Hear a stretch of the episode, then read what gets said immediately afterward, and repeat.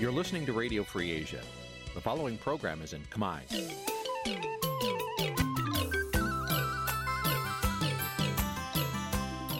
Nǐ ជាកម្មវិធីផ្សាយ Vuthu Azizi Serai នេះជាកម្មវិធីផ្សាយរបស់ Vuthu Azizi Serai ជាភាសាខ្មែរ Vuthu Azizi Serai សូមស្វាគមន៍លោកអ្នកនាងទាំងអស់ពីរដ្ឋធានី Washington នៃសហរដ្ឋអាមេរិកពីរដ្ឋធានី Washington នាងខ្ញុំសុជីវីសូមជម្រាបសួរលោកអ្នកនាងកញ្ញាអ្នកស្ដាប់វិទ្យុអាស៊ីសេរីទាំងអស់ជាទីមេត្រីយើងខ្ញុំសូមជូនកម្មវិធីផ្សាយសម្រាប់ព្រឹកថ្ងៃច័ន្ទ3កើតខែមិញឆ្នាំថោះបัญចស័កពុរសករាជ2567ចាដែលត្រូវនៅថ្ងៃទី12ខែកុម្ភៈគ្រិស្តសករាជ2024ចាជាដំបូងនេះសូមអញ្ជើញលោកអ្នកនាងស្ដាប់ព័ត៌មានប្រចាំថ្ងៃដែលមានមេត្តាដូចតទៅ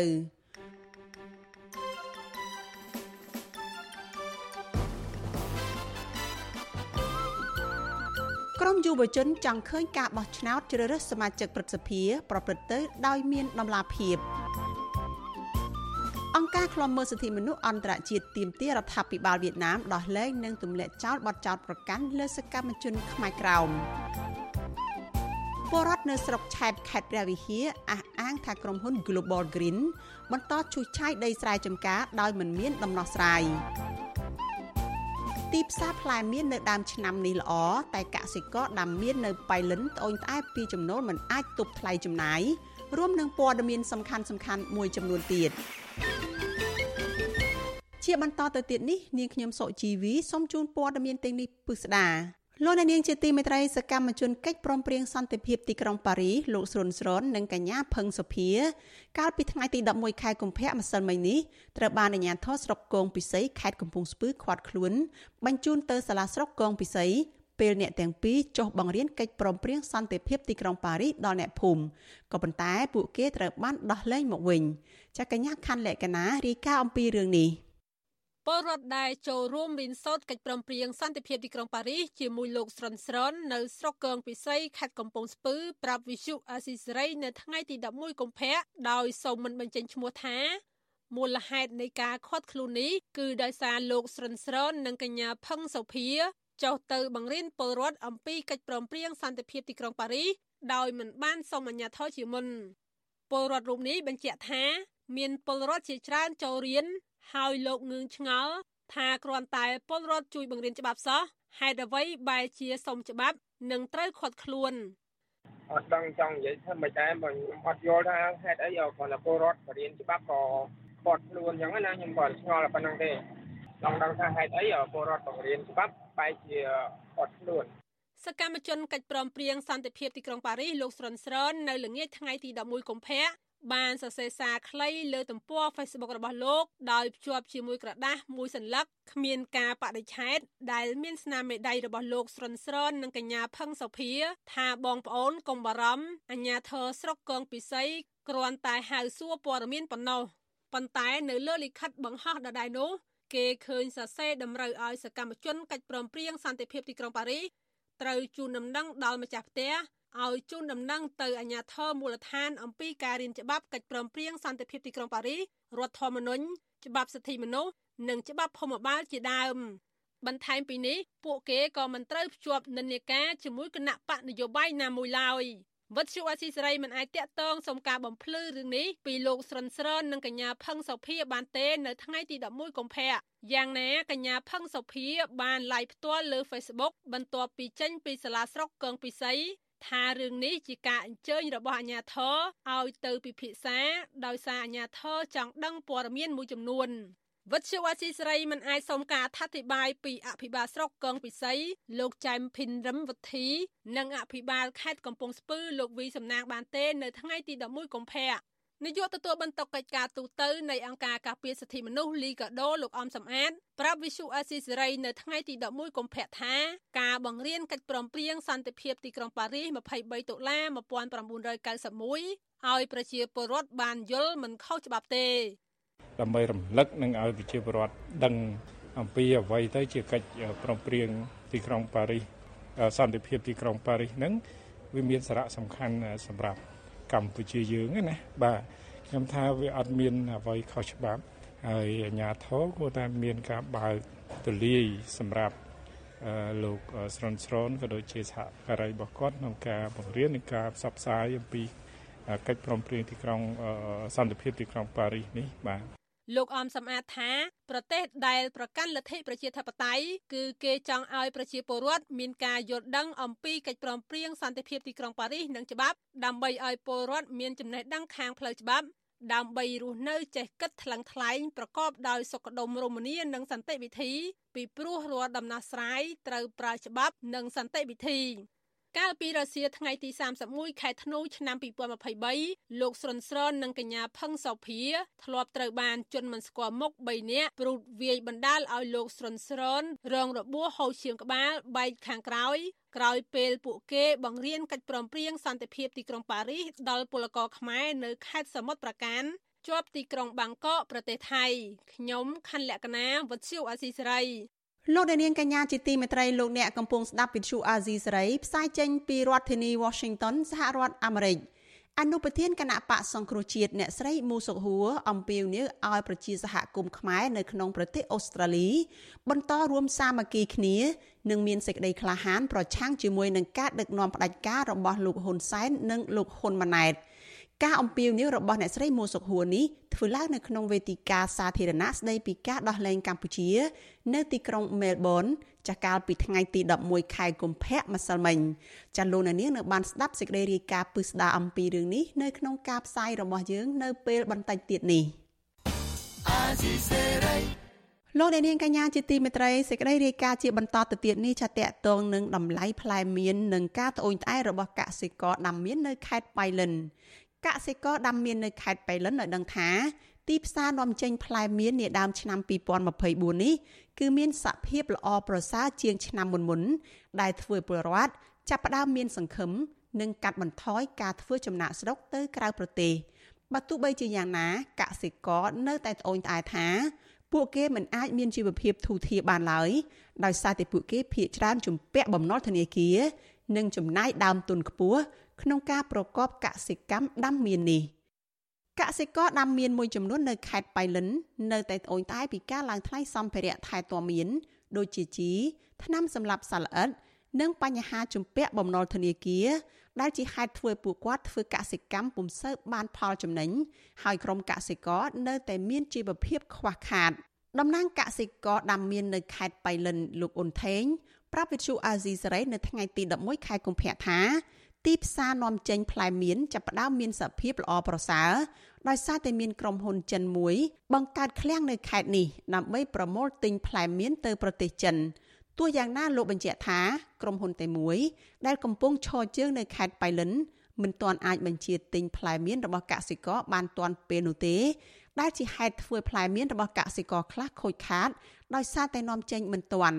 ម្យ៉ាងទៀត ក្រុមហ៊ុនមានលក្ខខណ្ឌតឹងរឹងក្នុងការបញ្ជាទិញផ្លែមៀនពីកសិករដោយក្រុមហ៊ុនជ្រើសរើសទិញតែផ្លែមៀនណាដែលមានទំហំធំធំ មានអនាម័យខ្ពស់ទើបក្រុមហ៊ុនវិចខ្ចប់តាមស្តង់ដារនាំចេញទៅចិន។ ដើមទុនផលិតហ្នឹងវាពោះពីឆ្នាំប្រេងហ្នឹងវាឡើងពោះហើយមួយទៀតពាក់ព័ន្ធនឹងបំណុលអញ្ចឹងដើមទុនផលិតគឺបានន័យថាបូកទាំងការប្រាក់បូកទាំងអីចឹងផងអញ្ចឹងក៏ដូចជាមិនទៅបានចំណេញច្រើនដែរតែបីតែមានរៃលក់មែនមកតែគឺចំណេញអីអត់ក៏មិនចំណេញច្រើនដែរចង់ឲ្យរដ្ឋជួយសម្រួលឈ្មោះកុំឲ្យគាត់បាក់ការនាំចេញពាក់ព័ន្ធបាត់ផលិតចេញកុំឲ្យតែរឹតបិទគាត់ពេកអីចឹងណាព្រោះតែរឹតបិទគាត់ពេកគាត់ក៏មករឹតបិទកាត់កនតតគ្នាអញ្ចឹងតើការដែលនាំចេញទៅចិនហ្នឹងតើមានការចំទីកសិកម្មល្អហ្នឹងបានផ្លែឈើហ្នឹងអាចនាំទៅចិនបាន ទោះជាយ៉ាងណាលោកអង្គថេងស្នើដល់រដ្ឋាភិបាលនិងក្រសួងកសិកម្មជួយរកទីផ្សារសម្រាប់នាំចេញផ្លែមៀនបន្ថែមទៀតនិងទប់ស្កាត់តម្លៃសម្ភារៈផ្គត់ផ្គង់ការថែទាំមៀនដែលបន្តឡើងថ្លៃយ៉ាងគំហុកជាពិសេសជីនិងថ្នាំសម្លាប់សត្វល្អិតដើម្បីជួយទៅដល់កសិករអាចឲ្យពួកគេមានជីវភាពធូរធារកាលពីចុងឆ្នាំ2023ក្រុមហ៊ុនចិននាំចេញផ្លែមៀនពីកម្ពុជា បានសហការជាមួយក្រសួងកសិកម្មសម្រាប់បើករោងចក្ររបស់ខ្លួននៅក្រុងប៉ៃលិនដើម្បីប្រមូលផលទិញផ្លែមៀនរបស់កសិករ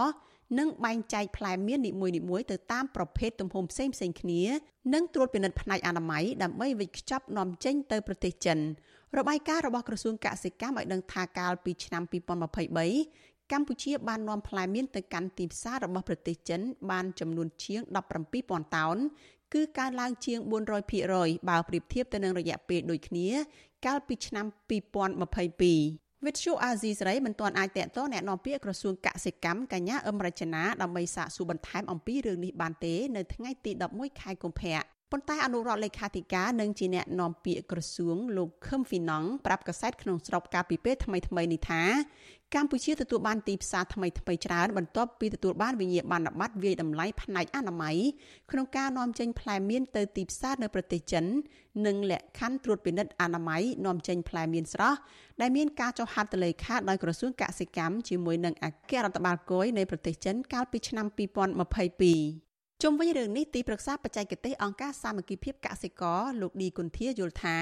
រដ្ឋាភិបាលត្រូវបង្ហាញឆន្ទៈដោះស្រាយបញ្ហាឲ្យបានខ្ពស់និងត្រូវដើរតួនាទីឲ្យសកម្មក្នុងការបម្រើប្រជាកសិកររាប់ម៉ឺននាក់ដែលកំពុងជាប់បញ្ហាសេដ្ឋកិច្ច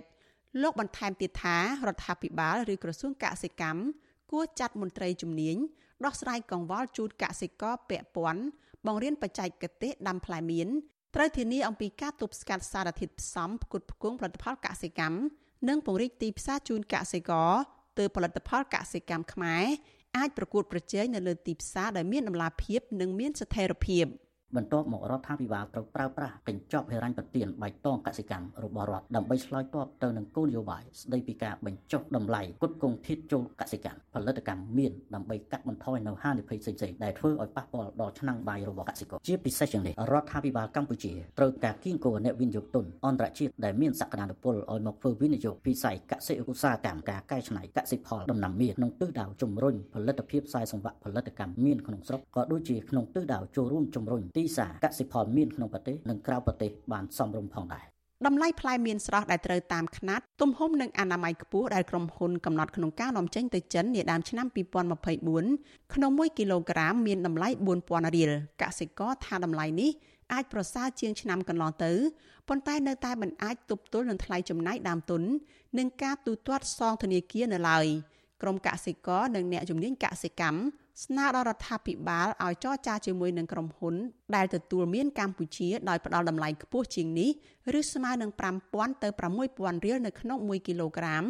និងស្វែងរកទីផ្សារអន្តរជាតិផ្សេងទៀតដើម្បីនាំចេញផ្លែមៀននិងជួយលើកកម្ពស់ជីវភាពកសិករ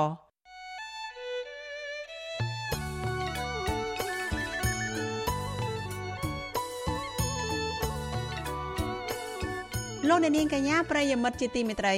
ដំណើរគ្នានឹងស្ដាប់ការផ្សាយផ្ទាល់របស់វិទ្យុអាស៊ីសេរីតាមរយៈបណ្ដាញសង្គម Facebook YouTube និង Telegram ចាលោកនាងក៏អាចស្ដាប់ការផ្សាយរបស់យើងតាមរយៈវិទ្យុរលកធាតុអាកាសខ្លីចាតាមកម្រិតនិងកម្ពស់ដូចតទៅនេះពេលព្រឹកចាប់ពីម៉ោង5កន្លះដល់ម៉ោង6កន្លះតាមរយៈ post SW 93.90 MHz ស្មើនឹងកម្ពស់ 32m និង post SW 11.85 MHz ស្មើនឹងកម្ពស់ 25m ពេលយប់ចាប់ពីម៉ោង7កន្លះដល់ម៉ោង8កន្លះតាមរយៈ post SW 93.30 MHz ស្មើនឹងកម្ពស់ 32m post SW 11.88 MHz ស្មើនឹងកម្ពស់ 25m និង post SW 15.15 MHz ស្មើនឹងកម្ពស់ 20m ចាសសូមអរគុណ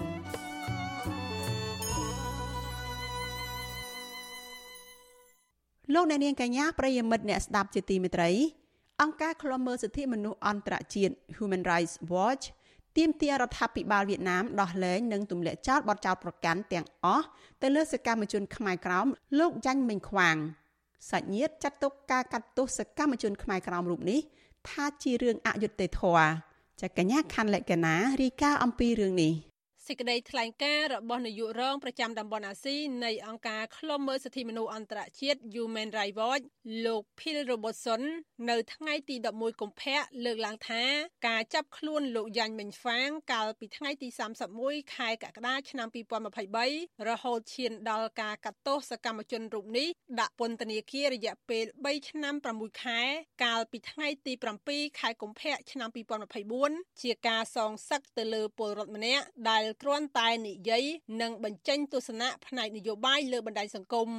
លោកចាត់ទុកវិធានការរបស់រដ្ឋអំណាចវៀតណាមនៅខេត្តឃ្លៀងដែលវៀតណាមបដូរទៅជាខេត្តសុកត្រាំងថាជាការជន់ឈ្លីលើសិទ្ធិសេរីភាពនៃការបញ្ចេញមតិដោយឥតអៀនខ្មាសនាយករងប្រចាំតំបន់អាស៊ីនៃអង្គការឃ្លាំមើលសិទ្ធិមនុស្សអន្តរជាតិលោក Phil Robertson ទាមទារឲ្យអាជ្ញាធរវៀតណាមត្រូវដោះលែងលោកយ៉ាញ់មិញហ្វាងជាបន្ទាន់ និងទម្លាក់រាល់បទចោទប្រកាន់ទាំងអស់មកលើសកម្មជនខ្មែរក្រោមលោក Phil Robertson ក៏ទាមទារឲ្យរដ្ឋសភាវៀតណាមគួរធ្វើវិសោធនកម្មជាបន្ទាន់នៅក្រមព្រហ្មទណ្ឌនិងលុបចោលមេត្រារំលោភសិទ្ធិមនុស្សរួមទាំងមេត្រា331ដែលត្រូវបានរដ្ឋាភិបាលវៀតណាមប្រើប្រាស់ជាប្រព័ន្ធដើម្បីរំលោភសិទ្ធិប្រជាពលរដ្ឋសាមញ្ញនៅទូទាំងប្រទេស កាលពីថ្ងៃទី7ខែកុម្ភៈឆ្នាំ2024តុលាការវៀតណាមនៅស្រុកបាយឆៅខេត្តឃ្លៀងបានផ្តន្ទាទោសកម្មជនសិទ្ធិមនុស្សខ្មែរកម្ពុជាក្រោមលោកយ៉ាញ់មិញហ្វាងឲ្យជាប់ពន្ធនាគារ3ឆ្នាំ6ខែក្រោមបទចោទប្រកាន់កេងចំណេញលើសិទ្ធិសេរីភាពលទ្ធិប្រជាធិបតេយ្យនិងបំពានលើផលប្រយោជន៍របស់រដ្ឋគណៈសកម្មជនម្នាក់ទៀតគឺលោកស្រីដេញធីវិន ត្រូវតុលាការវៀតណាមស្រុកបៃឆៅដូចគ្នាកាត់ទោសឲ្យជាប់ពន្ធនាគារ2ឆ្នាំ ក្រោមបទចោទប្រកាន់មិនអនុវត្តសាក្រមករណីអាញាធរវៀតណាមរឹបអូសយកដីធ្លីរបស់គាត់តាំងពីខែសីហាឆ្នាំ2016ការចាប់ខ្លួននិងកាត់ទោសកម្មជនខ្មែរកម្ពុជាក្រោមបន្តបន្ទាប់នេះធ្វើឡើងខណៈពួកគេសកម្មក្នុងការទៀមទាផ្សព្វផ្សាយព័ត៌មានអំពីការរំលោភសិទ្ធិមនុស្សជនជាតិដើមខ្មែរក្រោម មីងរបស់លោកយ៉ាញ់ម៉ាញ់ហ្វាង គឺលោកស្រីចៅធីទៀងប្រាប់វិសុអាស៊ីសេរីនៅថ្ងៃទី11កុម្ភៈថាលោកស្រីមិនអាចទទួលយកការសម្រេចរបស់តុលាការវៀតណាមបានទេ ដោយចាត់ទុកការកាត់ទោសឲ្យក្មួយរបស់គាត់ជាប់ពន្ធនាគារជាង3ឆ្នាំនេះជារឿងអយុត្តិធម៌លោកស្រីស្នើឲ្យតុលាការ ដោះលែងលោកយ៉ាញ់មិញហ្វាង និងពលរដ្ឋខ្មែរក្រោមផ្សេងទៀតឲ្យមានសេរីភាពវិញដោយថាពួកគាត់មិនបានធ្វើខុសដោយអាជ្ញាធរនិងតុលាការវៀតណាមចោទប្រកាន់ឡើយលោកស្រីអំពាវនាវឲ្យសហគមន៍ជាតិនិងអន្តរជាតិជួយដល់ប្រជាពលរដ្ឋខ្មែរក្រោមដែលកំពុងរងការធ្វើទុកបុកម្នេញពីសំណាក់អាជ្ញាធរនៃរដ្ឋាភិបាលវៀតណាមបាទខ្មែរយ៉ាងណាដែរ ចាខ្ញុំសេចក្ដីអំពោជួយផ្នែកក្រមឲ្យបានរីកចម្រើនហងទៅធ្វើបាបអីឡើយទេឥឡូវណាវាឈ្នះគ្មាននិយាយអីដែលខុសទេហើយសុំតែសិទ្ធិសេរីភាពហ្នឹងហើយខាងរដ្ឋាភិបាលយួនតែតែជាគម្រាមខ្មែរតែមិនចង់អោយនិយាយជាងដល់ណាហើយគាត់ចង់ធ្វើអីគាត់ធ្វើ ជំវិញការទៀមទារបស់អង្គការឃ្លាំមើលសិទ្ធិមនុស្សអន្តរជាតិ Human Rights Watch ឲ្យដោះលែងសកម្មជនខ្មែរក្រោមនៅពេលនេះវិទ្យុអស៊ីសេរីមិនអាចសុំការអធិប្បាយបញ្ហានេះពីស្ថានទូតវៀតណាមប្រចាំប្រទេសកម្ពុជាបានទេ នៅថ្ងៃទី11កុម្ភៈដោយទូរស័ព្ទចូលគ្មានអ្នកទទួលកាលពីថ្ងៃទី8ខែកុម្ភៈឆ្នាំ2024សហព័ន្ធខ្មែរកម្ពុជាក្រោមក៏បានចេញសេចក្តីថ្លែងការណ៍ថ្កោលទោសចំពោះតុលាការវៀតណាម ដែលចាប់ខ្លួនសកម្មជនខ្មែរក្រោមដាក់ពន្ធនាគាររួមជាមួយការឃុំខ្លួនពួកគេរយៈពេលយូរដោយគ្មានសិទ្ធិទទួលបានអ្នកទីប្រឹក្សាផ្លូវច្បាប់ឬមេធាវីថាជារឿងអយុត្តិធម៌និងជាការរំលោភបំពានយ៉ាងធ្ងន់ធ្ងរលើសិទ្ធិមូលដ្ឋានរបស់ពួកគេក្រៅពីថ្កោលទោសនោះសហព័ន្ធខ្មែរកម្ពុជាក្រោម គ្រងនឹងដឹកនាំបដកម្មអហិង្សានៅទូទាំងពិភពលោកនៅមុខស្ថានទូតវៀតណាមដើម្បីទាមទារឲ្យរដ្ឋាភិបាលកុម្មុយនីសវៀតណាមដោះលែងសកម្មជនខ្មែរក្រោមសរុប4នាក់ដែលកំពុងជាប់ឃុំដោយសារការទាមទារសិទ្ធិជនជាដើមសកម្មជនខ្មែរក្រោមទាំង4នាក់រួមមានលោកតោខ្វាងជឿងលោកថាច់គឿងលោកស្រីដេញធីវិន និងលោកយ៉ាញ់មិញខ្វាង ក្នុងចំណោមសកម្មជនទាំង4នាក់លោកតោខ្វាងជឿងនិងលោកថាច់គឿងនៅមិនទាន់ត្រូវបានតុលាការវៀតណាមកំណត់ថ្ងៃបើកសវនកម្មនៅឡើយសកម្មជនខ្មែរក្រោមលោកតោខ្វាងជឿងនិងលោកថាច់គឿងគឺជាមនុស្សសកម្មផ្សព្វផ្សាយអំពីសិទ្ធិជនជាដើម និងប្រវត្តិខ្មែរក្រោមខ្ញុំខណ្ឌលក្ខណាវុទ្ធុអាស៊ីសេរីលោកនាងកញ្ញាជាទីមេត្រីចាប់ព័ត៌មានតកតងនឹងអ្នកជំនាញកសិកម្មលោកនីណាវិញម្ដង ប្រពន្ធលោកនីណាស្នើឲ្យអាជ្ញាធរបញ្ជូនប្តីរបស់លោកស្រីមកឃុំនៅពន្ធនាគារភ្នំពេញវិញខណៈដែលសុខភាពរបស់ប្តីលោកស្រីដែលធ្លាប់រងអំពើហិង្សាគឺការលួចវាយដំឲ្យរងរបួសធ្ងន់កាលពីពេលកន្លងទៅ នៅតែបន្តឈឺចាប់និងត្រូវការលេបថ្នាំជាប្រចាំមន្ត្រីអង្គការសង្គមស៊ីវិលលើកឡើងថា ការនាំខ្លួនលោកនីណាយកទៅឃុំនៅពន្ធនាគារត្រពាំង plong នៅខេត្តត្បូងឃ្មុំ គឺជាការបង្កការលំបាកដល់នីតិវិធីនៅតុលាការក្រុងភ្នំពេញលោកមានរិទ្ធរាយការណ៍អំពីរឿងនេះប្រពន្ធអ្នកជំនាញផ្នែកកសិកម្មលោកនីណាគឺលោកស្រីសុកស៊ីណែតលើកឡើងថាលោកស្រីត្រូវចំណាយថវិកាកាន់តែច្រើនពេលទៅសួរសុខទុក្ខប្តីនៅពន្ធនាគារតពាំង plong ខេត្តត្បូងឃ្មុំ ខណៈប្តីរបស់លោកស្រី នៅតែឈឺចាប់ត្រង់មុខរបួសដែលរងនៅអំពើហិង្សាកាលពីពេលកន្លងទៅលោកស្រីសុកស៊ីណាតប្រាវិសុយស៊ីស្រីនៅថ្ងៃទី11ខែកុម្ភៈថាដោយសារនៅក្នុងពន្ធនាគារមិនមានថ្នាំសង្កូវនិងម្ហូបអាហារគ្រប់គ្រាន់ប្តីរបស់លោកស្រីឈឺចាប់របួសត្រង់ក្បាលនិងចង្កេះដែលបន្សល់ពីអំពើហិង្សាកាលពីខែកញ្ញាឆ្នាំ2023ឡើងវិញកាន់តែញឹកញាប់ លោកស្រីបន្តថាក្រៅពីត្រូវការចំណាយថវិកាច្រើននោះនៅពេលដែលទៅសួរសុខទុក្ខប្តីដែលនៅឆ្ងាយហើយនោះប្តីរបស់លោកស្រីក៏ត្រូវការថ្នាំពេទ្យជាប្រចាំផងដែរការដែលបញ្ជូនគាត់ទៅត្បូងឃុំហ្នឹងវាហាក់ដូចថាដាក់សម្ពាធបន្ថែមមកលើគាត់ហើយមកលើបងអញ្ចឹងណាមកលើក្រុមកុសៈហ្នឹងវាខ្លាំងធ្ងន់ហ្មងបើនៅត្រឹមប្រៃសយើងអត់សូវអីយើងអត់សូវត្រូវចំណាយលុយចំណាយអីអញ្ចឹងណាអូនអញ្ចឹងបងមានសំណុំពោថាឲ្យសមត្ថកិច្ចហ្នឹងបញ្ជូនគាត់ បានមកម៉ូមួយប្រៃសវិញលោកស្រីសុកស៊ីណែតលើកឡើងថាលោកស្រីបារម្ភពីសុខភាពប្តីកាន់តែខ្លាំងព្រោះចាប់តាំងពីប្តីរបស់លោកស្រីត្រូវបាននាំយកទៅឃុំនៅពន្ធនាគារតាពាំង plong ក្នុងខេត្តត្បូងឃ្មុំរួចមកសមត្ថកិច្ចនៅក្នុងពន្ធនាគារនេះមិនអនុញ្ញាតឲ្យប្តីលោកស្រីហៅទូរស័ព្ទចេញពីពន្ធនាគារដើម្បីសួរសុខទុក្ខក្រុមគ្រួសារនោះឡើយអ្នកជំនាញផ្នែកកសិកម្មលោកនីណា ត្រូវបានតុលាការក្រុងភ្នំពេញកាត់ទោសឲ្យជាប់ពន្ធនាគារ18ខែម្ដងរួចមកហើយពីបទញុះញង់បង្កឲ្យមានការរើសអើងនិងការប្រមាថជាសាធារណៈចំពោះការបង្ហោះសារនៅលើបណ្ដាញសង្គម Facebook បែបចំអករបស់លោកតាក់ទងទៅនឹងការទិញម៉ាស់ពាក់ឲ្យកូនមួនដើម្បីការពារការឆ្លងពីជំងឺ Covid-19 ទោះជាយ៉ាងនេះក្តីក្រោយចេញពីពន្ធនាគារលោកនីណានៅតែបន្តការអត្ថាធិប្បាយឥតសំចៃមាត់អំពីភាពមិនប្រក្រតីនៅក្នុងសង្គម នៅថ្ងៃទី12ខែកញ្ញាឆ្នាំ2023លោកក៏ត្រូវបានក្រុមជនមិនស្គាល់មុខប្រដាប់ដោយដំបងដែកព្រួតគ្នាវាយទាំងកណ្ដាលថ្ងៃក្នុងរាជធានីភ្នំពេញ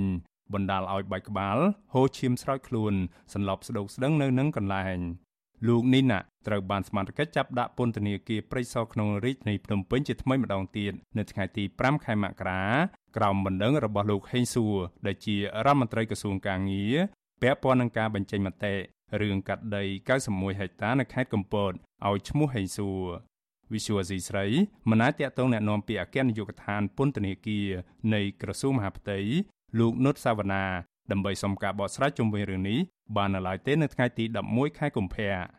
ជុំវិញរឿងនេះនាយកទទួលបន្ទុកកិច្ចការទូតនៃអង្គការឃ្លាំមើលសិទ្ធិមនុស្សលីកាដូលោកអំសំអាត មានប្រសាសន៍ថាដោយសារតែលោកនីណាមិនទាន់ទទួលបានការកាត់ក្តីពីតុលាការក្រុងភ្នំពេញ ដូច្នេះហើយការឃុំខ្លួនលោកនីណានៅពន្ធនាគារតាពាំង plong គឺជារឿងមិនសមហេតុផលនោះឡើយលោកបន្តថាដើម្បីបង្កភាពងាយស្រួលដល់នីតិវិធីនៅតុលាការអញ្ញាធរគួរបញ្ជូនខ្លួនលោកនីណាមកឃុំនៅពន្ធនាគារក្នុងរាជធានីភ្នំពេញវិញមួយទៀតបើសិនជាមានមេធាវីមានអីក៏វាបង្កផលលំបាកក្នុងការធ្វើដំណើរទៅជួបគុណក្តីដែលនៅឆ្ងាយនឹងផងដែរព្រោះដំណើរការអន្តរវិធីនៅសាលាដំបងរាជធានីភ្នំពេញ ដូច្នេះខ្ញុំគ្រាន់តែយល់ថាគួរតែលោកនីណានេះត្រូវបាន បន្តគុំខ្លួននៅរាជធានីភ្នំពេញដើម្បីឲ្យងាយស្រួលក្នុងការ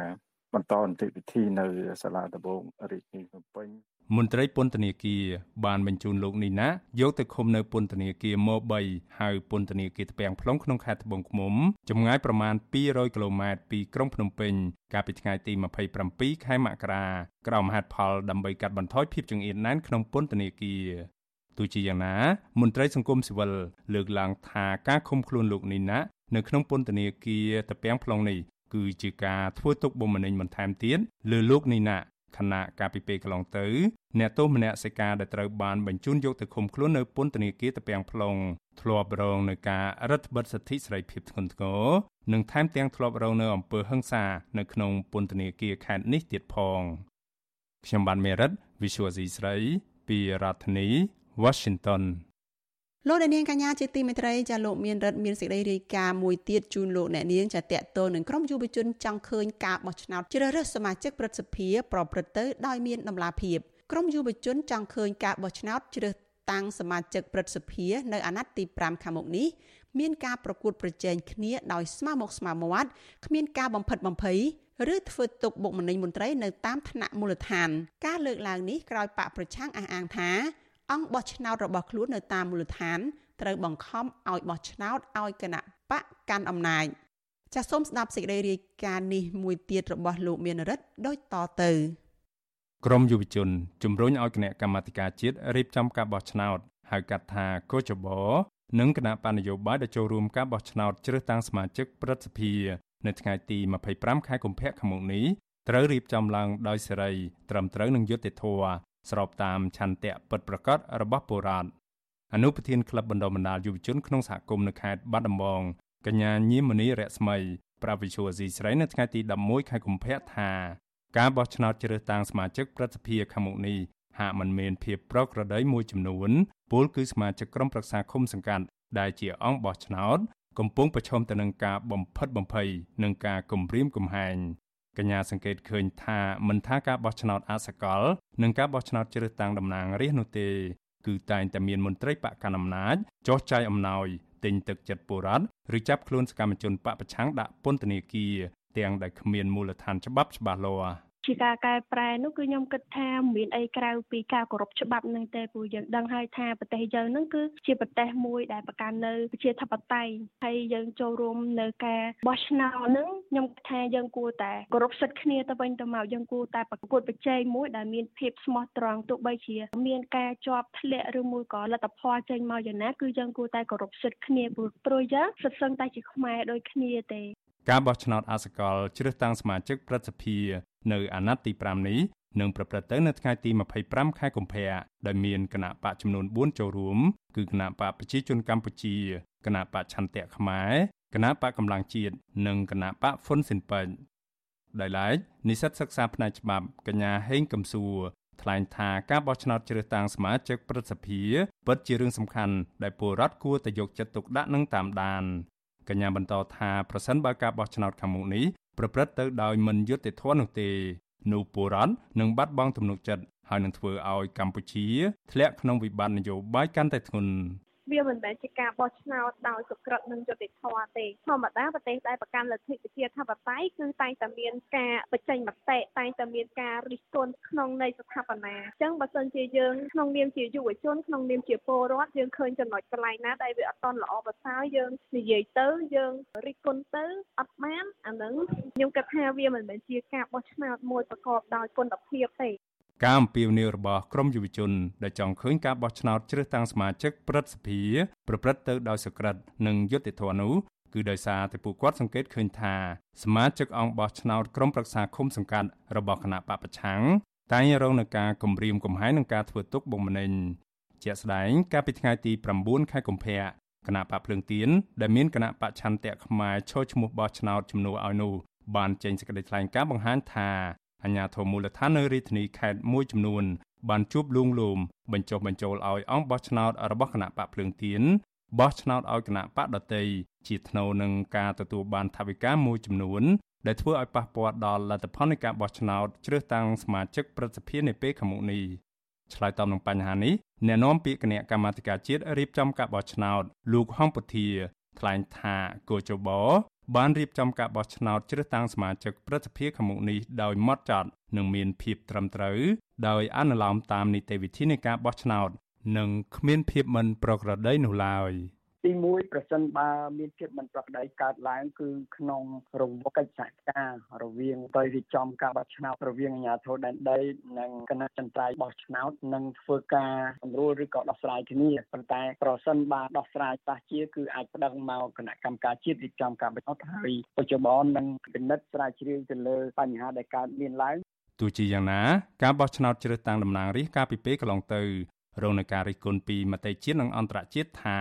ជាការបោះឆ្នោតคล้ายៗនិងគ្រាន់តែជាព្រឹត្តិការណ៍រៀបចំឡើងដើម្បីបង្ក្រប់កេញដើម្បីឲ្យលោកហ៊ុនសែនអាចបន្តក្តាប់ក្តាប់អំណាចនិងផ្ទេរអំណាចទៅឲ្យកូនប្រុសច្បងរបស់លោកគឺលោកហ៊ុនម៉ាណែតតែប៉ុណ្ណោះអ្នកប្រឹក្សាយោបល់ផ្នែកអភិវឌ្ឍផ្នត់គំនិតនិងការស្រាវជ្រាវលោកសេកសុជាតិក៏សម្គាល់ថាការបោះឆ្នោតជ្រើសតាំងសមាជិកព្រឹទ្ធសភាខាងមុខនេះគឺពុំមានអ្វីជាបញ្ហាចោទនោះឡើយក៏ប៉ុន្តែលោកថាប្រសិនបើប្រជាធិបតេយ្យ នៅតែមិនបានបង្រួបបង្រួមនោះទេកម្ពុជានឹងប្រឈមនឹងវិបត្តិនយោបាយហើយការបោះឆ្នោតក្រោយៗទៀតក៏នៅតែមិនសេរីនឹងយុត្តិធម៌នោះឡើយ អ្វីដែលសំខាន់ហ្នឹងគឺអ្នកវិជាធិបតេយ្យទេដែលគួរតែធ្វើការត្រេះរិះពិចារណាបង្រួបបង្រួមគ្នាឲ្យធ្វើការបែងចែកមណ្ឌលគ្នាដើម្បីកុំឲ្យបែកសម្លេងឆ្នោតនៅក្នុងការបោះឆ្នោតជ្រើសតាំងសមាជិកព្រឹទ្ធសភាហ្នឹងណាបើសិនជាมันអាចធ្វើការបែងចែកឲ្យបានច្បាស់លាស់ទេវាអាចនឹងធ្វើឲ្យប៉ះពាល់ធ្ងន់ធ្ងរទៅដល់សម្លេងអ្នកវិជាធិបតេយ្យនៅក្នុងព្រឹទ្ធសភាបើសិនជាពួកគាត់ចង់ដោះស្រាយបញ្ហាធំធំនៅថ្ងៃក្រោយ ការបោះឆ្នោតអសកលជ្រើសតាំងសមាជិកព្រឹទ្ធសភានៅថ្ងៃទី25ខែកុម្ភៈខាងមុខនេះមានអង្គបោះឆ្នោតជិត12000នាក់ក្នុងនោះតំណាងរាស្ត្រក្នុងតំណែងចំនួន125នាក់និងសមាជិកក្រុមប្រឹក្សាឃុំសង្កាត់ក្នុងតំណែងចំនួនជាង11000នាក់ក្រមយុវជនទទូចឲ្យកោចបរៀបចំការបោះឆ្នោតដោយតម្លាភាពហើយបើរកឃើញថាគណៈបណ្ឌនយោបាយណាមួយដែលអូសទាញនឹងយកលុយទិញទឹកចិត្តសមាជិកក្រុមប្រឹក្សាឃុំសង្កាត់ ដែលជាអង្គបោះឆ្នោតធ្វើឲ្យប៉ះពាល់ដល់ការបោះឆ្នោតខាងមុខនេះគោលចបគួរតែអនុវត្តតាមនីតិវិធីច្បាប់ពួកគាត់លើកឡើងថាដើម្បីលើកកម្ពស់ការគោរពសិទ្ធិមនុស្សនិងអភិវឌ្ឍសេដ្ឋកិច្ចកម្ពុជា ការបោះឆ្នោតនាពេលខាងមុខនេះគួរតែមានការចូលរួមពីគ្រប់ភាគីគណៈបណ្ឌនយោបាយដើម្បីប្រកួតប្រជែងគ្នាដោយស្មើភាពគ្នាខ្ញុំបានមេរិត Visual C ស្រី ពីរដ្ឋធានី Washington លោកអ្នកនាងកញ្ញាប្រិយមិត្តជាទីមេត្រីលោកអ្នកកំពុងស្ដាប់វិទ្យុអាស៊ីសេរីផ្សាយចេញពីរដ្ឋធានី Washington សហរដ្ឋអាមេរិកពលរដ្ឋរស់នៅឯស្រុកឆែបខេត្តព្រះវិហារអះអាងថាក្រុមហ៊ុន Global Green Cambodia របស់កូនប្រុសអុកញ៉ាត្រីភិបគឺលោកត្រីដាលុចបានបន្តឈូសឆាយដីស្រែចម្ការដំណាំ និងដីព្រៃការពារខណៈមិនទាន់រកដំណោះស្រាយឲ្យពលរដ្ឋនោះទេមន្ត្រីអង្គការសង្គមស៊ីវិលយល់ឃើញថាអាញាធរពពន់និងក្រុមហ៊ុនឯកជន គួរតែពិគ្រោះយោបល់ និងស្វែងរកដំណោះស្រាយឲ្យបានសមរម្យដល់ពលរដ្ឋនៅតំបន់នោះជាមុនសិនចាលោកជីវតារាយការណ៍អំពីរឿងនេះប្រជាពលរដ្ឋដែលរងផលប៉ះពាល់ដីស្រែចម្ការនៅឃុំសង្កែមួយស្រុកឆែបខេត្តព្រះវិហារអះអាងថាក្រុមហ៊ុន Global Green Energy Development នៅតែបន្តឈូសឆាយបង្កឲ្យប៉ះពាល់ដីស្រែចម្ការរបស់ពលរដ្ឋនិងដីព្រៃសហគមន៍ការពារជាច្រើនហិកតាតំណាងសហគមន៍ភូមិសង្កែមួយលោកហៀងកឹមហុង ប្រាប់វិទ្យុអាស៊ីសេរីនៅថ្ងៃទី11កុម្ភៈថាក្រុមហ៊ុន Global Green បានដាក់គ្រឿងចាក់បន្ថែម និងបន្តឈូសឆាយដីស្រែចម្ការនិងដីព្រៃការពារដោយមិនទាន់រកដំណោះស្រាយសមរម្យឲ្យប្រជាពលរដ្ឋនោះទេ លោកបន្ថែមថា ការធ្វើបែបនេះគឺជាទង្វើរំលោភបំពានទៅលើប្រជាពលរដ្ឋដោយខុសច្បាប់ ហើយសហគមន៍នឹងបន្តដេកយាមដីស្រែចម្ការរហូតមានដំណោះស្រាយនិងមិនអនុញ្ញាតឲ្យក្រុមហ៊ុនយកដីស្រែចម្ការរបស់ពួកគាត់ឡើយ។ មានដំណងណាមួយឬក៏ជាដំណឹងណាមួយដែលធ្វើឲ្យជាបរដ្ឋបានដឹងរឿងរ៉ាវណាការដែលថាសងជាដំណងដំណាំខូចខាតនឹងដីស្រែចម្ការរបស់គាត់ទេគេនៅតែបន្តសកម្មភាពឲ្យដឹកគ្រឿងចាក់ចូលរំយកគ្រឿងចាក់កាយវាយព្រៃគ្រឿងចាក់កាយយកថ្មស្អីស្អីក៏ដឹកចូលអស់ហើយវិទ្យុអាស៊ីសេរីមិនអាចតាក់ទងអភិបាលខេត្តប្រវៀហាលោកកឹមរិទ្ធី និងប្រធានមន្ទីររាយនឹងធម្មពលខេត្តព្រះវិហារលោកសុនច័ន្ទរក្សាដើម្បីសុំការឆ្លើយតបជុំវិញបញ្ហានេះបានទេនៅថ្ងៃទី11កុម្ភៈដោយទូរស័ព្ទចូលគ្មានអ្នកទទួលលិខិតលេខ0020ចុះថ្ងៃទី30តុលាឆ្នាំ2023របស់ក្រសួងរាយនឹងធម្មពលឲ្យដឹងថាក្រុមហ៊ុន Global Green Energy Development ទទួលបានសិទ្ធិក្នុងការរុករករ៉ែលោហៈនៅលើផ្ទៃដីទំហំ15គីឡូម៉ែត្រការ៉េស្ថិតនៅឃុំសង្កែមួយស្រុកឆែបខេត្តព្រះវិហារយោងតាមឯកសាររបស់ទីស្តីការគណៈរដ្ឋមន្ត្រីចុះការបរិច្ឆេទថ្ងៃទី20កក្កដាឆ្នាំ2023ដែលចុះហត្ថលេខាដោយរដ្ឋលេខាធិការប្រចាំការលោកហ៊ីងថូរ៉ាស៊ី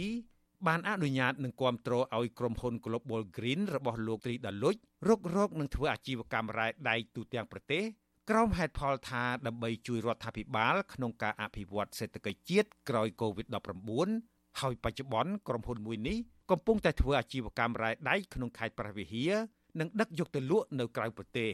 ជុំវិញរឿងនេះអ្នកសម្របសម្រួលគម្រោងធុរកិច្ចនិងសិទ្ធិមនុស្សរបស់មជ្ឈមណ្ឌលសិទ្ធិមនុស្សកម្ពុជា លោកវ៉ាន់សុផាតយល់ឃើញថាអញ្ញាធរពពាន់នឹងក្រុមហ៊ុនឯកជន គួរតែផ្ដល់ព័ត៌មាននិងពិគ្រោះយោបល់ជាមួយប្រជាពលរដ្ឋនៅជុំវិញតំបន់នោះជាមុនសិនដើម្បីស្វែងរកដំណោះស្រាយដែលអាចទទួលយកបាន លោកបន្ថែមថាប្រសិនបើក្រុមហ៊ុននិងអាជ្ញាធរពាក់ព័ន្ធមិនបានជូនដំណឹងឬពិគ្រោះយោបល់ជាមួយពលរដ្ឋហើយបន្តឈូសឆាយធ្វើឲ្យប៉ះពាល់ដីស្រែចម្ការរបស់ពលរដ្ឋវាជាការរំលោភបំពានសិទ្ធិនិងជាអំពើខុសច្បាប់ ឬការអភិវឌ្ឍត្រូវមានតែការវិតម្លៃហេតុប៉ះពាល់បរិស្ថានណានិងសង្គមជាមុនជូនដំណឹងជាពលរដ្ឋអត់មានផ្ដោសំណងអត់មានអីប៉ះពាល់ចេះតែធ្វើអញ្ចឹងអាហ្នឹងមិនមែនជាការអភិវឌ្ឍស្របច្បាប់ទេអាហ្នឹងការអភិវឌ្ឍខុសនឹងច្បាប់ហ្នឹងតែប្រជាពលរដ្ឋនឹងមានសិទ្ធិក្នុងការពៀបណ្ដឹងក្នុងការដែលការពៀដីរបស់គាត់ដែរបច្ចុប្បន្នក្រុមហ៊ុន Global Green ធ្វើអាជីវកម្មរ៉ែដែកចំនួន3កន្លែងផ្សេងគ្នា ក្នុងនោះមាននៅតំបន់កោះកេរនិងភ្នំថ្ម ស្ថិតនៅឃុំរិចរាយនិងឃុំរបៀបនៃស្រុករវៀងនិងមួយកន្លែងទៀតនៅឃុំធ្មៀស្រុកជ័យសែនខេត្តព្រះវិហារ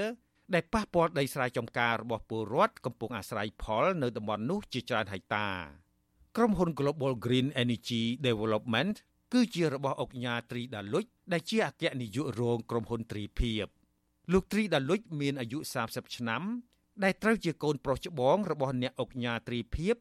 និងបច្ចុប្បន្នជាអនុប្រធានយុវជនគណៈបកប្រជាជនកម្ពុជាស្រុកកណ្ដាលស្ទឹងហើយលោកក៏កាន់តួនាទីជាអនុប្រធានក្រុមការងារថ្នាក់ជាតិចុះជួយឃុំត្បែងស្រុកកណ្ដាលស្ទឹងខេត្តកណ្ដាលផងដែរខ្ញុំជីវិតាអាស៊ីសេរី លោកអ្នកនាងកញ្ញាជាទីមេត្រីជាព័ត៌មានតកតនឹងក្រមយុវជននៅឯក្រៅប្រទេសវិញម្ដងបណ្ដាញយុវជនកម្ពុជានៅក្រៅប្រទេសធ្វើសមាជរៀបចំក្បាលម៉ាស៊ីនដឹកនាំដើម្បីផ្ដល់ឱកាសបញ្ចេញសមត្ថភាពនិងចូលរួមជួយអភិវឌ្ឍសង្គមតាមរយៈការស្ដារលទ្ធិប្រជាធិបតេយ្យពិតប្រាកដតាមរយៈការបោះឆ្នោតដោយសេរីត្រឹមត្រូវនៅកម្ពុជាគណៈបកកាន់អំណាចថាការបង្កើតចលនាយុវជនដើម្បីធ្វើសកម្មភាពនៅក្រៅប្រទេសនោះគឺមិនបានលទ្ធផលអ្វីនោះទេ ចាលោកច័ន្ទដារ៉ូរាយការណ៍ព័ត៌មាននេះបណ្ដាញយុវជនសកលនៅបណ្ដាប្រទេសជុំវិញពិភពលោក បានរៀបចំសមាជតាមប្រព័ន្ធ Zoom និងផ្សព្វផ្សាយតាមបណ្ដាញសង្គមដែលមានតំណាងចូលរួម135នាក់នៅថ្ងៃទី11ខែកុម្ភៈអង្គសមាជបានបោះឆ្នោតជ្រើសរើសក្បាលម៉ាស៊ីនដឹកនាំរួមមានប្រធានមួយរូបអនុប្រធាន2រូបគណៈកម្មាធិការអចិន្ត្រៃយ៍11រូបគណៈកម្មាធិការនយោបាយ32រូប និងអនុម័តលក្ខន្តិកៈចំនួន11ចម្ពោះមាន51ប្រការសមាជនេះដែរពួកគេក៏ប្រកាសពីទិដៅដើម្បីជំរុញឲ្យយុវជនចូលរួមកសាង និងអភិវឌ្ឍសង្គមព្រមទាំងសច្ចាប្រណិធានបំរើផលប្រយោជន៍ជាតិឈលលើគោលការណ៍ប្រជាធិបតេយ្យសេរីយុត្តិធម៌ដោយមិនគាំទ្រការដឹកនាំបែបផ្ដាច់ការគ្រួសារនិយម អ្នកនាំពាក្យបណ្ដាញយុវជនកម្ពុជាសកល លោកម៉ាត់វ៉ាន់នីប្រវត្តិជអាស៊ីសេរីថាការរៀបចំបណ្ដាញយុវជនឡើង គឺក្នុងគោលបំណងចង់ឲ្យយុវជនទាំងក្នុងនិងក្រៅប្រទេសបានបញ្ចេញសមត្ថភាព និងមានឱកាសចូលរួមកាន់តែសកម្មក្នុងកិច្ចការនយោបាយការបណ្ដុះស្មារតីជាតិនិយមជាដើម លោកបញ្ជាក់ថាការប្រមូលផ្ដុំកម្លាំងយុវជនដែលមានឫសគល់ចេញពីក្រមអ្នកប្រជាធិបតេយ្យនឹងមានសារៈសំខាន់សម្រាប់អ្នកតស៊ូ ដើម្បីរួមគ្នាជំរុញឲ្យសង្គមមានយុត្តិធម៌និងស្ដារប្រជាធិបតេយ្យឡើងវិញខណៈក្រមអ្នកកាន់អំណាច កំពុងដឹកនាំប្រទេសតាមរយៈខ្សែស្រឡាយបកពួកវាគឺជាការបង្ហាញនៅបដិបត្តិថ្មីមួយថាយុវជនយើងដែលនៅក្រៅប្រទេសក្តីនៅក្នុងប្រទេសក្តីគឺយើងមិនដែលបោះបង់ប្រទេសជាតិយើងចោលទេយើងតែងតែរិះរោបនៅគ្រប់មធ្យោបាយនិងរិះរោបនៅគ្រប់ឱកាសដើម្បីអាចរួបរวมគ្នានៅក្នុងការ ចូលរួមធ្វើកិច្ចការងារនយោបាយដើម្បីស្រោចស្រង់លទ្ធិជាតិតៃក៏ដូចជាការពារនៅផលប្រយោជន៍ស្របច្បាប់របស់ប្រជាពលរដ្ឋគណៈបកប្រជាជនដែលដឹកនាំដោយក្រុមគ្រួសារតកូលហ៊ុនមិនបានផ្ដល់ឱកាសឲ្យយុវជន ដែលពំចុកពាក់ព័ន្ធខ្សែស្រឡាយនឹងបកពួករបស់គេនឹងមានឱកាសបញ្ចេញនៅសមត្ថភាពឡើយបណ្ដាញយុវជនកម្ពុជាសកល គឺជាបណ្ដុំយុវជនខ្មែររស់នៅក្រៅប្រទេសបានបង្កើតឡើងកាលពីឆ្នាំ2021 ដើម្បីប្រមូលកម្លាំងយុវជនអ្នកប្រជាធិបតេយ្យដែលចង់រៀបចំ និងកសាងប្រទេសកម្ពុជាឡើងវិញឲ្យបានត្រឹមត្រូវដោយផ្អែកលើគោលការណ៍សិលធម៌សច្ចធម៌និងយុត្តិធម៌ជុំវិញរឿងនេះអ្នកនាំពាក្យគណៈបកប្រជាជនកម្ពុជាលោកសុកអេសាន មានប្រសាសន៍ថាការបង្កើតចលនាយុវជន ដើម្បីធ្វើសកម្មភាពនៅក្រៅប្រទេសនោះនឹងមិនរឹងមាំឬទទួលបានលទ្ធផលអ្វីនោះទេ លោកឲ្យដឹងថាបច្ចុប្បន្នគណៈបកប្រជាជនមានសមាជិកជាង7លាននាក់នៅទូទាំងប្រទេសក្នុងនោះលោកប៉ាន់ប្រមាណថាយុវជនមានប្រមាណជាង2លាននាក់លោកបន្ថែមថាគណៈបកនេះតែងតែគ្រប់គ្រងយុវជនចូលរួមការងារនយោបាយនិងសង្គមស្មើភាពគ្នាមិនដូចការចាប់ប្រកាន់នោះទេ ឥឡូវនេះគឺតែយើងសួរថាតើមានអង្គការយុវជនណាដែលបាក់បោដែលថ្នាក់ថ្នាក់ជាមួយនឹងរាជរដ្ឋាភិបាលគណៈបកប្រជាជនគឺអត់មានទេអាអត់មានទេនោះវាឆ្លុះបញ្ចាំងថាវាមានតលយៈភាពនៅក្នុងសង្គមហើយជាពិសេសជួយយុវជននឹងសិតតែទទួលបានឱកាសដូចដូចគ្នាស្របទៅតាមលទ្ធភាពសមត្ថភាពហើយនឹងសំណងពរត្រូវការរបស់សង្គមហើយទោះបីលោកសុកអេសានអះអាងបែបនេះក្តី តែកន្លងទៅមេដឹកនាំគណៈបកប្រជាជនកម្ពុជា បានរៀបចំផ្ទេរអំណាចឲ្យកូនចៅនិងសាច់ញាតិទៅដឹកនាំនៅក្នុងជួររដ្ឋាភិបាលរហូតដល់ថ្នាក់ក្រោមជាតិជំនួសពួកគេដោយគ្មានអតីតភាពការងារឬគ្មានឆ្លងកាត់ការប្រកួតប្រជែងត្រឹមត្រូវជាក់ស្ដែងអាញាធរបានបង្ក្រាបយុវជនដែលជាសមាជិកគណៈបកប្រឆាំងចេញពីឆាកនយោបាយចំណែកយុវជនដែលជាសកម្មជនសង្គមកម្មជនបរិស្ថានវិញ ត្រូវរងគ្រោះជាបន្តបន្ទាប់ក្រោយពេលពួកគេចេញទៀមទាឲ្យមានយុត្តិធម៌សង្គមជុំវិញរឿងនេះប្រធានសមាគមបណ្ដាញយុវជនកម្ពុជាហៅកាត់ថា CYN លោកហេងកំហុងយល់ឃើញថាប្រសិនបើយុវជននៅក្រៅប្រទេសចងក្រងគ្នាជជែករឿងបញ្ហាសង្គមក្នុងន័យរិះគន់ស្ថាបនានិងបម្រើផលប្រយោជន៍ជាតិរួមគឺជារឿងល្អ ស្របពេលកម្ពុជាមិនទាន់មានលំហសេរីភាពស្មើគ្នាសម្រាប់យុវជនដែលគ្រប់គ្រងគណៈបកកណ្ដាលអំណាចនិងយុវជនដែលមាននិន្នាការផ្ទុយពីរដ្ឋាភិបាលនៅឡើយលោកហេងកំហុងថានិន្នាការបែបនេះមិនមែនជារឿងល្អនោះទេ ពីព្រោះធ្វើឲ្យយុវជនដែលមានសក្តានុពលបាត់បង់ឱកាសក្នុងការចូលរួមអភិវឌ្ឍជាតិ យើងឃើញថាស្ថានភាពគុំយោបាយនៅប្រទេសកម្ពុជារបស់យើងហ្នឹងក៏ហាក់បីដូចជាមិនសូវអំណោយផលឬក៏កន្លងមកមានការលើកឡើងអំពីការដាក់បំរាមមិនឲ្យជជែកអំពីសកម្មភាពនយោបាយឬក៏ជជែកពីកិច្ចការសង្គមនយោបាយនៅក្នុងគ្រឹះស្ថានសាអប់រំរបស់រដ្ឋឯមួយចំនួនហើយពលរដ្ឋនឹងហាក់បីដូចជាមានការខ្លាចរអាដែរនៅពេលដែលគណៈបកប្រឆាំងត្រូវបានប្រក្រាបឬក៏សម្លេងជំទាស់ឬក៏សម្លេងដែលមានស្មារតីដែលផ្ទុយពីរដ្ឋាភិបាលនឹងហាក់បីដូចជាអត់ត្រូវបានលើកទឹកចិត្ត មន្ត្រីសង្គមស៊ីវិលនិងអ្នកខ្លំមើលបញ្ជាក់ថាច្បាប់ជាតិនិងអន្តរជាតិសុទ្ធតែធានាពីសិទ្ធិសេរីភាពខាងនយោបាយរបស់ប្រជាពលរដ្ឋហេតុដូច្នេះ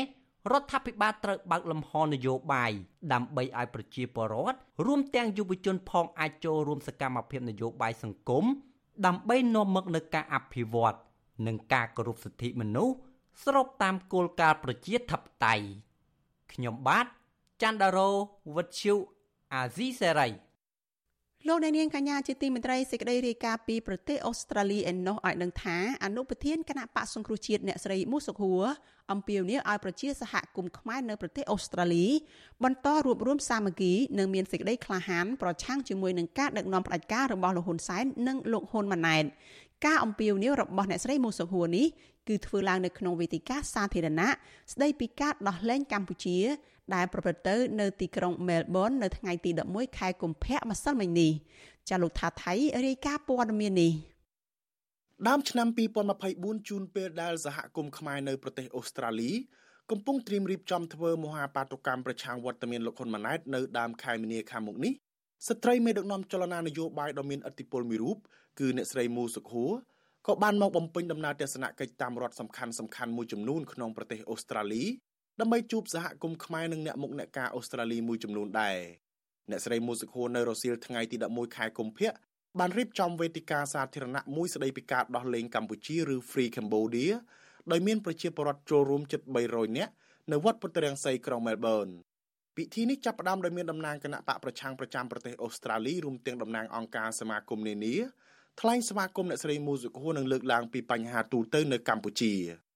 ប្រធានប្រតិបត្តិគណៈបកសង្គ្រោះជាតិប្រចាំរដ្ឋវីកតូរីយ៉ាលោកអ៊ុនហេមរ៉ាថ្លែងថាមូលហេតុនៃការរៀបចំវេទិកាសាធារណៈស្តីពីការដោះលែងកម្ពុជានេះឡើងដោយសារក្នុងពេលបច្ចុប្បន្នប្រជាពលរដ្ឋខ្មែររងគ្រោះនឹងឈឺចាប់នៅក្រោមការដឹកនាំរបស់លោកហ៊ុនសែននិងលោកហ៊ុនម៉ាណែតមិនចាញ់នៅក្នុងសម័យខ្មែរក្រហមនោះឡើយលោកបន្តថាជាស្ដែងប្រជាពលរដ្ឋត្រូវបានបណ្ដេញចេញពីដីធ្លីផ្ទះសម្បែងពីកន្លែងមួយទៅកន្លែងមួយជាបន្តបន្ទាប់ការបាញ់សម្លាប់បុគ្គលល្បីៗនិងអ្នកស្នេហាជាតិជាច្រើនអ្នកដោយគ្មានយុត្តិធម៌ ដូចជាករណីឃាតកម្មលើបណ្ឌិតកែមលីការចាប់ដាក់ពន្ធនាគារនិងការប្រៅអំពើហិង្សាលើសកម្មជនដីធ្លីសកម្មជនសិទ្ធិមនុស្សសហជីពបរិស្ថាននិងសកម្មជននយោបាយជាដើមលើសពីនេះពលរដ្ឋខ្មែររាប់លានអ្នកបាត់បង់ក្តីសង្ឃឹមនឹងធ្វើចំណាក់ស្រុកបែកបាក់ក្រុមគ្រួសារនិងខ្វះភាពកក់ក្ដៅសម្រាប់កូនកូនលោកអិនហេមរ៉ាបន្ថែមថាពលរដ្ឋខ្មែររឹតតែឈឺចាប់ខ្លាំងថែមទៀតនៅពេលឃើញរដ្ឋាភិបាលលោកហ៊ុនសែននិងលោកហ៊ុនម៉ាណែត ធ្វើឲ្យបាត់បង់ទឹកដីទៅប្រទេសជិតខាងនឹងការបំផ្លាញលទ្ធិប្រជាធិបតេយ្យតាមរយៈការរំលាយគណៈបកសង្គ្រោះជាតិដោយសារតែការប្រឌិតរឿងចោតប្រកាន់មេបកប្រឆាំងព្រមទាំងរារាំងគណៈបកភ្លើងទៀនមិនឲ្យចូលរួមប្រគួតប្រជែងការបោះឆ្នោតខ្ញុំមានសារខ្ញុំមានសារមួយខ្ញុំធ្វើតាមខ្លួនឯងបើសិនជាលោកតាមខ្លួនឯងដោះលែងអ្នកនយោបាយដោះលែងអ្នកនយោបាយតាមលំហសិទ្ធិប្រជាធិបតេយ្យធ្វើឲ្យមានការគោរពសិទ្ធិមនុស្សព្រមទាំងឲ្យមានសារពុទ្ធនិកាយទៅវិញ នៅបឹងមួយថ្ងៃទី2ខែ3ខ្ញុំនឹងមកទទួលបដកម្មនៅរដ្ឋសភាជួយយ៉ាងដល់ក៏ប៉ុន្តែបើសិនជាលោកកំពុងហ៊ុនម៉ាណែតមិនต้องលេងអ្នកនយោបាយមិនต้องលេងអ្នកនយោបាយការមិនបានលំហសិទ្ធិប្រជាធិបតេយ្យមិនគោរពសិទ្ធិមនុស្សឲ្យបានពេញលេញមិនមិនឲ្យមានសារពុទ្ធនិកាយទៅវិញម៉ោង1ថ្ងៃទី2ខែ3ខ្ញុំនឹងទៅធ្វើបាតកម្មនៅក្នុងរដ្ឋសភាដើម្បីដោះលែងកម្ពុជា ង វេទិកាលើកនេះមានលក្ខណៈពិសេសខុសប្លែកពីលើកមុនមុនដោយមានយុវជនចូលរួមច្រើននិងមានកម្មវិធីផ្ដល់ឱកាសឲ្យប្រជាពលរដ្ឋចូលរួមបញ្ចេញមតិយោបល់ពាក់ព័ន្ធនឹងអំពើអយុត្តិធម៌សង្គមបញ្ហាលទ្ធិប្រជាធិបតេយ្យការរំលោភសិទ្ធិមនុស្សការបណ្តេញពលរដ្ឋចេញពីដីធ្លីផ្ទះសម្បែងនិងបញ្ហាបាត់បង់បូរណភាពទឹកដីជាដើមនិងការរិះរោចវិធីដើម្បីរំដោះកម្ពុជាចេញពីការដឹកនាំបែបផ្ដាច់ការរបស់ត្រកូលលោកហ៊ុនសែនមុនចាប់ផ្ដើមកិច្ចពិភាក្សានេះ អ្នកស្រីមូសុខូក៏បានបង្ហើរសំនៀងនៅចម្រៀងស្នេហាជាតិមួយបទដើម្បីដាស់ស្មារតីអ្នកចូលរួមជនជាតិខ្មែរកើតនៅលើដី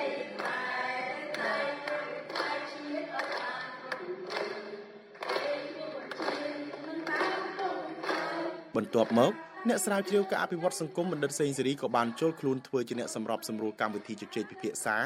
ដោយលោកបានចោទជាសំណួរមួយចំនួនទៅកាន់អ្នកចូលរួមហើយព្រោះឥឡូវនេះយើងមកនិយាយថា ដើម្បីដោះលែងកម្ពុជាបានគឺការមានវិជាសាស្ត្រមិនសំណួរសុខភាពបានយើងត្រូវការអឺចំពោះសំណួរនេះគឺដើម្បីយើងត្រូវការសេរីភាពព្រោះជាតៃគឺជាទីមួយដែលមានសេរីភាពប្រជាពលរដ្ឋអាចធ្វើការសម្ដែងមតិហើយមានការចូលរួមទោះបីតាមវិធីណាក៏ដោយ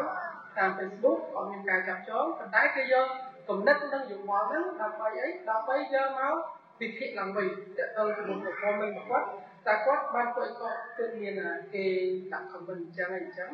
ប៉ុន្តែក៏សំនៅប្រទេសកុម្មុយនីសគឺទុយឆ្លាស់ជាអ្វីដែលយើងពាក្យកលឹះនៃចម្លើយហេតុបានត្រូវមានជាតតៃគឺសេរីភាពហេតុអីបានជាបានជាត្រូវការសេរីភាពសេរីភាពហេតុបានចាំបាច់ម្ល៉េះសេរីភាពចាំបាច់នៅថាយើងចង់និយាយអីតាមចិត្តយើងយល់មួយយើងការពារជាតិដូចគ្នាអញ្ចឹងយើងយល់ថាការពារជាតិរបស់គ្នាគាត់ខ្ញុំខំនិយាយ ខំថាខ្ញុំក៏មានគំនិតថាគឺស្រឡាញ់ជាតិដែរមិនស្រឡាញ់តែឯងខ្លួនចឹងចឹងក៏អត់សេរីភាពឲ្យខ្ញុំនិយាយផងក្រៅពីនេះប្រជាពលរដ្ឋផ្សេងទៀតក៏បានចូលរួមផ្ដល់មតិយោបល់មួយចំនួនដើម្បីរកវិធីដោះលែងកម្ពុជាប្រជាពលរដ្ឋទាំងនោះបដិញ្ញាថាពួកគាត់នឹងចូលរួមតស៊ូមតិតាមគ្រប់មធ្យោបាយដោយអហិង្សាឲ្យបានសកម្មជាពិសេសប្រមូលកម្លាំងឲ្យបានច្រើនដើម្បីចូលរួមបាតុកម្មប្រឆាំងវត្តមានលោកហ៊ុនម៉ាណែតនៅថ្ងៃទី2ខែមីនានៅមុខរដ្ឋសភារដ្ឋវីកតូរីយ៉ា ការចូលរួមតទៅទៀតគឺជាការចូលរួមជាម៉ាស់បានន័យថាទាំងអស់គ្នាដែលមានការឈឺចាប់ដែលចង់បាននៅលទ្ធិប្រជាធិបតេយ្យដែលចង់បាននូវសិទ្ធិសេរីភាពគឺការចូលរួមនេះមានលក្ខណៈចាំបាច់ណាស់សូមបងប្អូនមានការចូលរួមនៅក្នុងការធ្វើមហាបដកម្មដើម្បីបង្ហាញនៅ motion របស់យើងចំពោះរដ្ឋាភិបាលហើយនៅបរទេស គេនឹងអាចឃើញយើងថាលុះត្រាតែយើងប្រឹងប្រែងទៅខ្លួនឯងទៅគេជួយយើងពីខាងក្រៅគេមិនអាចជួយយើងដោយយើងមិនជួយខ្លួនឯងនោះឡើយបើយើងស្រឡាញ់សិទ្ធិមនុស្សសិទ្ធិលទ្ធិប្រជាធិបតេយ្យហើយបើយើងពិតជាស្រឡាញ់ប្រទេសកម្ពុជាមែនមិនឲ្យកម្ពុជាទៅជាចម្បាទី2នេះកម្លាំងលើប្រាប់តែនៅតែយើងបំផុសចងក្រងណាកុំធ្វើជារបៀបភ្លើងប្រៅយកលេខទូរស័ព្ទមកជួបជុំគ្នាមកបាទចឹងខ្ញុំសូមសំណូមពរយើងទាំងអស់គ្នាចូលរួមចូលរួមតាមពាក្យមួយគេថាវាធ្វើកំ ត្រង់ធ្វើកម្មអ៊ំពូមីងដែរដែលហ៊ានក្លាហានហ៊ានចេញឈរចំពោះមុខបាទយើងចូលរួមហ៊ានតតាំងនិយាយស្ដីអ៊ំពូមីងណាដែលមិនហ៊ានតតាំងយើងនៅពីខាងក្រោយអ៊ំពូមីងណាដែលរវល់ចូលជាកម្លាំងចិត្តកម្លាំងធនធានថវិកាបើយើងអនុវត្តអានេះផែនការនេះមកបានណាសកម្មភាពតស៊ូយើងនឹងជោគជ័យក្រោយស្ដាប់មតិយោបល់ពីប្រជាពលរដ្ឋអនុប្រធានគណៈបកសង្គ្រោះជាតិអ្នកស្រីមូសុខួរបានស្ងើចសរសើរចំពោះការចូលរួមរបស់អ្នកទីក្រុងមែលប៊ន អ្នកស្រីថ្លែងថាបើទោះបីជាទៅដល់ទីណានឹងរស់នៅប្រទេសណាក្តីប្រជាពលរដ្ឋខ្មែរមិនត្រូវភ្លេចដើមកំណើតឈាមជាខ្មែរឡើយហើយត្រូវតែមានស្មារតីជាខ្មែរស្នេហាជាតិនិងប្រជាធិបតេយ្យពិតប្រាកដអ្នកស្រីបន្តថាកម្ពុជាគឺជាប្រទេសរបស់ប្រជាពលរដ្ឋខ្មែរគ្រប់រូបមិនមែនជាកម្មសិទ្ធិរបស់លោកហ៊ុនសែននោះទេដូច្នេះប្រជាពលរដ្ឋខ្មែរត្រូវតែមានសិទ្ធិចូលរួមថែរក្សាការពារនិងអាចចេញចូលទៅស្រុកកំណើតវិញដោយគ្មានការភ័យខ្លាចការតាមឃ្លាំមើលនិងការធ្វើទុកបុកម្នេញផ្សេងផ្សេង អ្នកស្រីក៏អំពាវនាវឲ្យប្រជាពលរដ្ឋត្រូវមានសេចក្តីក្លាហាននិងបន្តរួបរวมសាមគ្គីគ្នាដើម្បីរំដោះកម្ពុជាចេញពីការដឹកនាំបែបផ្ដាច់ការវិធីសាស្ត្រជាក់ស្ដែងគឺសកម្មភាពជាក់ស្ដែងបាតកម្មដោយអហិង្សាចាប់ពីបាតកម្មដោយអហិង្សានឹងហើយអត់រួចខ្លួនទេខ្ញុំសូមឲ្យមានគណៈកម្មការដែលរៀបចំបាតកម្មនឹងមានការអញ្ជើញប្រជាពលរដ្ឋទាំងអស់នឹងមកវិញមកដើម្បីអីឆ្លុះបញ្ចាំង វាតម្លៃថាការបាតកម្មនឹងបានផលទេបានទៅគោលដៅទៅដល់គោលបំណងយើងទេតើហ៊ុនម៉ាណែតទៅបានលឺទេ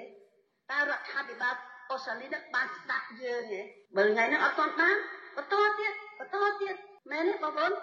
ហើយអានឹងវាចូលដល់រឿងចងក្រងហើយដល់ពេលបាតកម្មហ្នឹងសកម្មទាំងអស់គ្នាហើយយើងជួអ្នកសកម្មហ្នឹង បង្ហាត់បង្រៀនឲ្យសកម្មជាងនឹងទៅទៀតក្រៅពីការធ្វើបាតុកម្មនោះអ្នកស្រីមូសុខូក៏ស្នើឲ្យប្រជាពលរដ្ឋចូលរួមគាំទ្រញត្តិដាក់ទៅអង្គការ UNESCO រឿងបណ្ដេញពលរដ្ឋចេញពីតំបន់អង្គរនិងធ្វើយុទ្ធនាការពហិការឈប់គាំទ្រនិងឈប់ទិញផលិតផលរបស់ក្រុមគ្រួសារអ្នកកាន់អំណាចផ្ដាច់ការដូចជាទឹកបរិសុទ្ធវីតាល់ជាដើមក្រោយបញ្ចប់វេទិកាសាធារណៈនៅទីក្រុងមែលប៊នអ្នកស្រីមូសុខូក៏នឹងបន្តដំណើរទៅជួបប្រជាពលរដ្ឋខ្មែរនៅទីក្រុងមួយចំនួនទៀតដូចជាទីក្រុងអាដាលេដ និងទីក្រុងស៊ីដនីក្នុងបំណងបង្រួបបង្រួមកម្លាំងអ្នកប្រជាធិបតេយ្យបន្តទៀតខ្ញុំថាថៃពីទីក្រុងមែលប៊ន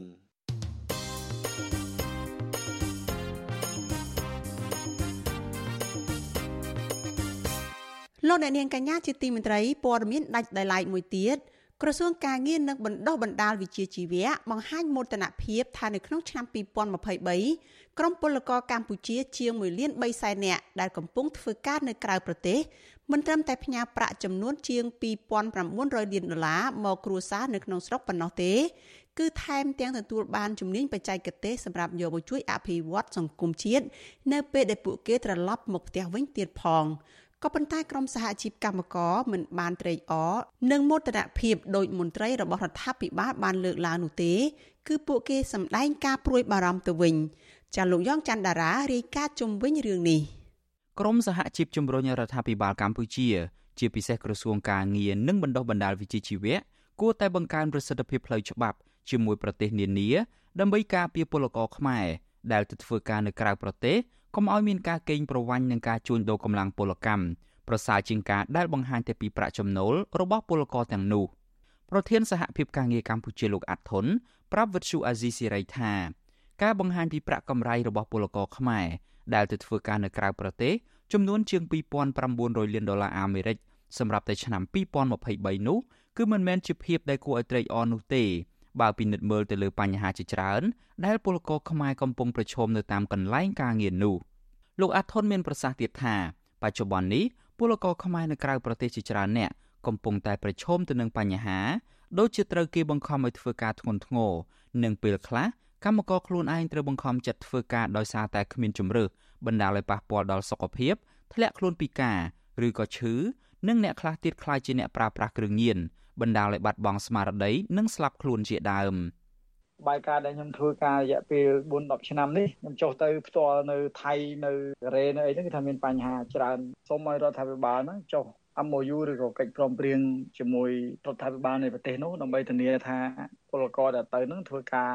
ដោយមិនមានការកេងប្រវ័ញ្ចកម្លាំងពលកម្មឬក៏ដោយគ្មានការបង្ខំឡងមកដូចជានៅម៉ាឡេអញ្ចឹងគឺមានការរំលោភខ្លាំងហើយនៅថៃគឺថាមានការរំលោភខ្លាំងដែរជួញដូរនៅតាមទូនេសាទច្រើនជាមួយគ្នានេះអ្នកវិភាគបញ្ហាសង្គមលោកបណ្ឌិតមាសនេះមានប្រសាសន៍ថាការទទួលបានប្រាក់ខែច្រើន ពីការងារនៅក្រៅប្រទេសគឺជារឿងមួយល្អ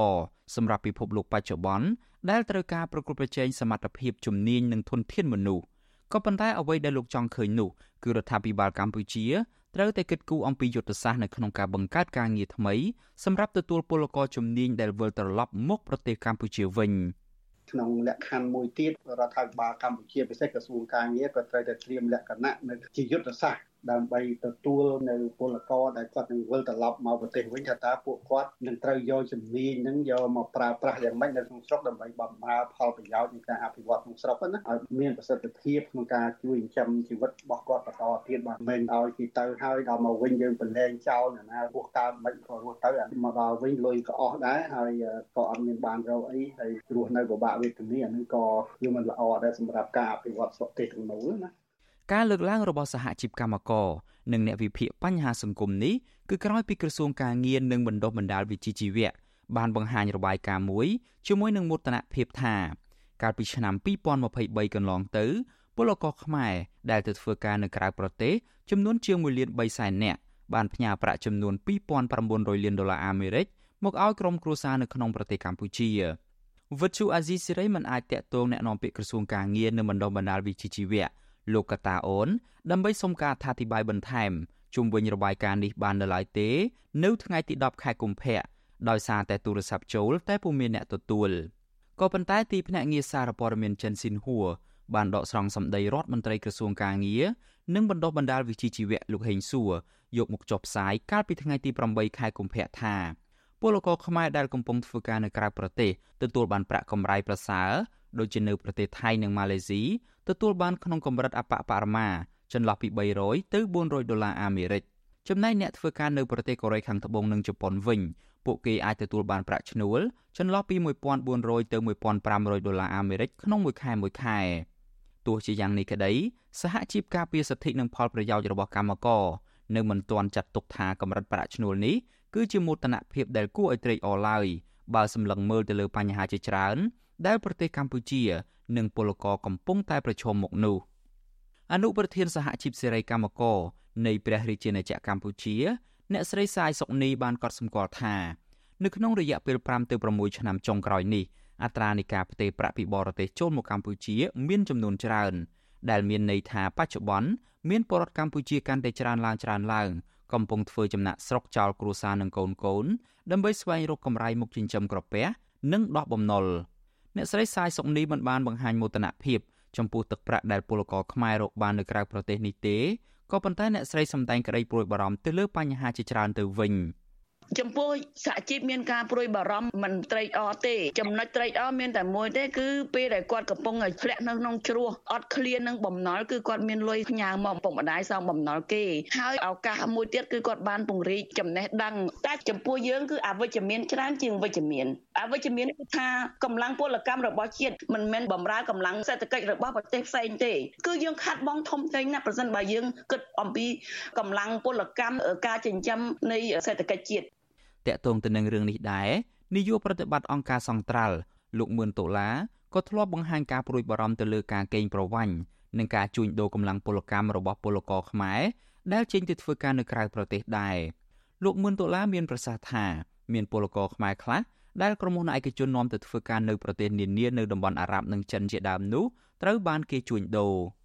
រដ្ឋមានគោលនយោបាយឲ្យមានការជ្រើសរើសនិងបញ្ជូនពលករទៅក្រៅប្រទេសហើយដោយសារតែគោលនយោបាយនេះឬមួយក៏ការអនុវត្តច្បាប់នៅទុនខ្សោយវាធ្វើឲ្យក្រុមហ៊ុនឯកជនដែលមានឱកាសជ្រើសរើសនិងបញ្ជូនពលករហ្នឹងដាក់ពលករឲ្យស្ថិតនៅក្នុងស្ថានភាពមួយជាទេសកលសម័យថ្មី ធ្វើការដោយសងបំណុលគេធ្វើការដោយអត់បានប្រាក់ខែគ្រប់គ្រាន់ឬក៏អត់បានប្រាក់ខែទាំងស្រុងឬក៏ធ្វើការនៅក្នុងសម្ពាធមួយមិនអាចធ្វើដំណើរទៅណាបានដោយសារគេដក passport អីហ្នឹងណាអាហ្នឹងក៏គេចាត់ទុកថាជាការជួញដូរហើយរបាយការណ៍របស់ក្រសួងការងារនិងបណ្ដុះបណ្ដាលវិជ្ជាជីវៈដែលបានបង្ហាញនៅក្នុងពេលបិទកិច្ចប្រជុំប្រចាំឆ្នាំនោះឲ្យដឹងថា បច្ចុប្បន្ននេះមានពលករខ្មែរចំនួនជាង1លាន3សែននាក់កំពុងធ្វើការនៅក្រៅប្រទេសពលករទាំងនោះកំពុងធ្វើការងារនៅប្រទេសថៃកូរ៉េខាងត្បូងម៉ាឡេស៊ីប្រទេសជប៉ុនសិង្ហបុរី ប្រទេសចិន និងអារ៉ាប៊ីសាអូឌីតជាដើមខ្ញុំយ៉ងច័ន្ទដារាវិទ្យុអាស៊ីសេរី Washington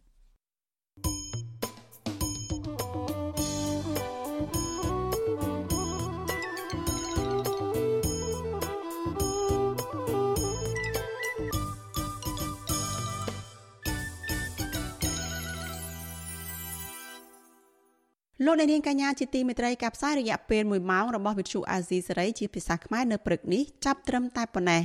ចា៎នាងខ្ញុំសុជីវីនិងក្រុមការងារទាំងអស់នៃវិទ្យុអាស៊ីសេរី